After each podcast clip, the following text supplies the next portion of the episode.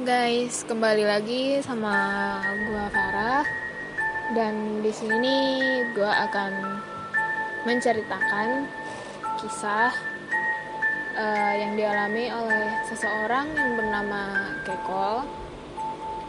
Kekol ini laki-laki dan itu nama panggilan dia di tongkrongan.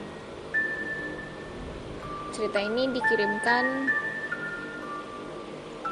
oleh Kekol sendiri dan langsung aja ke ceritanya. Jadi awal cerita Kekol berlibur dengan teman-temannya dan pasangannya berlima orang yaitu Kekol, Fajrin, Kodil, dan Tiar. Dan satu lagi Incek. Mereka semua membawa pasangan masing-masing ke puncak untuk liburan tahun baru. Mereka sudah merencanakan liburan tahun baru ini di jauh hari. Sampai pada akhirnya hari H pun tiba. Mereka semua berangkat di tanggal 31 jam 1 pagi karena untuk menghindari kemacetan parah di daerah puncak tersebut. Tiba mereka di puncak di jam 3 pagi, mereka menginap di villa di daerah Cisarua Bogor. Tiba di sana, niatnya mereka semua memutuskan untuk beristirahat dan tidur. Tetapi baru 30 menit tiba di villa tersebut, entah ada apa, tiba-tiba mati lampu di daerah villa. Lalu pacar Tiar ternyata sudah menyiapkan dan membawa lilin untuk jaga-jaga. Dan dinyalakanlah lilin tersebut. Lalu lilin tersebut ditaruh di sebuah piring kecil di atas meja. Awalnya nggak ada apa-apa, tapi nggak ada angin atau nggak ada yang nyenggol meja atau piring tersebut. Tiba-tiba aja piringnya jatuh bersama lilinnya yang langsung mati. Kodil pun berfirasat udah nggak enak dan berkata, Wah, ini firasat gua nggak enak nih, pertanda buruk. Soalnya ini nggak ada angin, nggak ada hujan, piring kecilnya jatuh. Padahal itu piring ditaruh di tengah meja. Akhirnya Kodil pun menyuruh semua perempuan yang ada di sana untuk tidur dan istirahat. Dan untuk yang cowok, semua berjaga-jaga sampai matahari terbit. Di hari yang sama, malamnya mereka menyiapkan alat dan bahan-bahan untuk bakar-bakar di villa. Sebagian orang ada yang bertugas untuk prepare bahan-bahan untuk bakar-bakar dan sebagian lagi mencari kayu atau ranting untuk menyalakan api.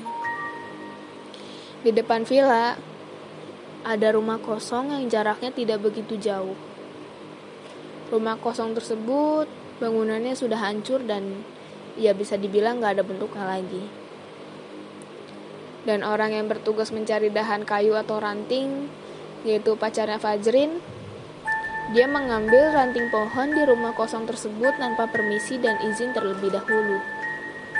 Awalnya ke keadaan biasa aja.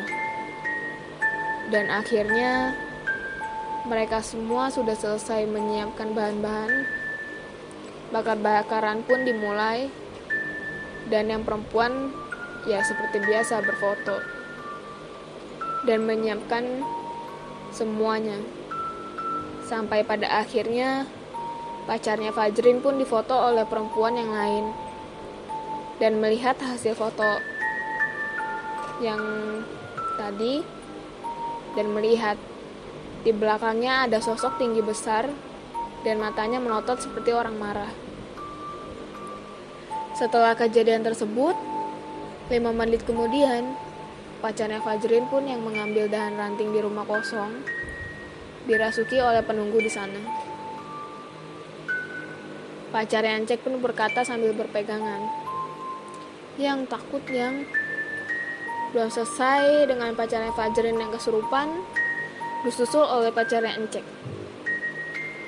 Dan kesurupan di villa tersebut pun makin menyambar ke anak perempuan yang lain, yaitu pasangan mereka masing-masing. Belum selesai dengan pacara Fajrin dan Encek. Kesurupan menyambar ke pacarnya Tiar yang awalnya pacarnya lagi diam dan memegang tangan Tiar. Tiba-tiba ia menangis dan tertawa, seperti dirasuki oleh kuntil anak. Sama seperti yang lain, pacarnya Kodil pun kesurupan oleh penunggu di sana dan mengamuk seperti monster. Hanya Kekol dan pacarnya yang tidak diganggu karena keadaan semakin tidak mendukung. Berinisiatiflah Kekol dan Tiar untuk mencari bantuan orang pintar sekitar untuk mengeluarkan sosok menunggu di sana yang merasuki perempuan yang ada di villa tersebut. Satu jam mencari orang pintar di daerah tersebut, sampailah Kekol dan Tiar di villa. Dan orang pintarnya pun berkata, di sini, di villa ini emang udah terkenal sering kejadian orang-orang menginap di sini. Sering kesurupan dan diganggu, entah diganggunya diwujudin atau dirasukin dan pengusiran sosok yang merasuki semua perempuan kecuali pacar Kon pun dimulai dari jam 11 sampai selesai jam 3 pagi.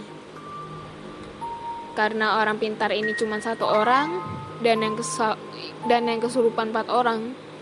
Jadi beliau mau tidak mau hanya bisa mengobati satu persatu. Akhirnya karena nggak mau mengambil resiko, semua orang yang menginap pun memutuskan untuk pulang di hari itu juga di jam 4 subuh. Dan buat kalian yang berniat ingin senang-senang dan liburan di daerah yang kalian baru datangi, izin dan permisi dulu sebelum melakukan hal apa pun untuk menghindari kejadian seperti yang dialami oleh Kekol dan teman-temannya. Mungkin cerita ini sampai sini aja. Di lain waktu pasti akan ada cerita lain. Sampai sini aja. Gue gue Farah. Thank you.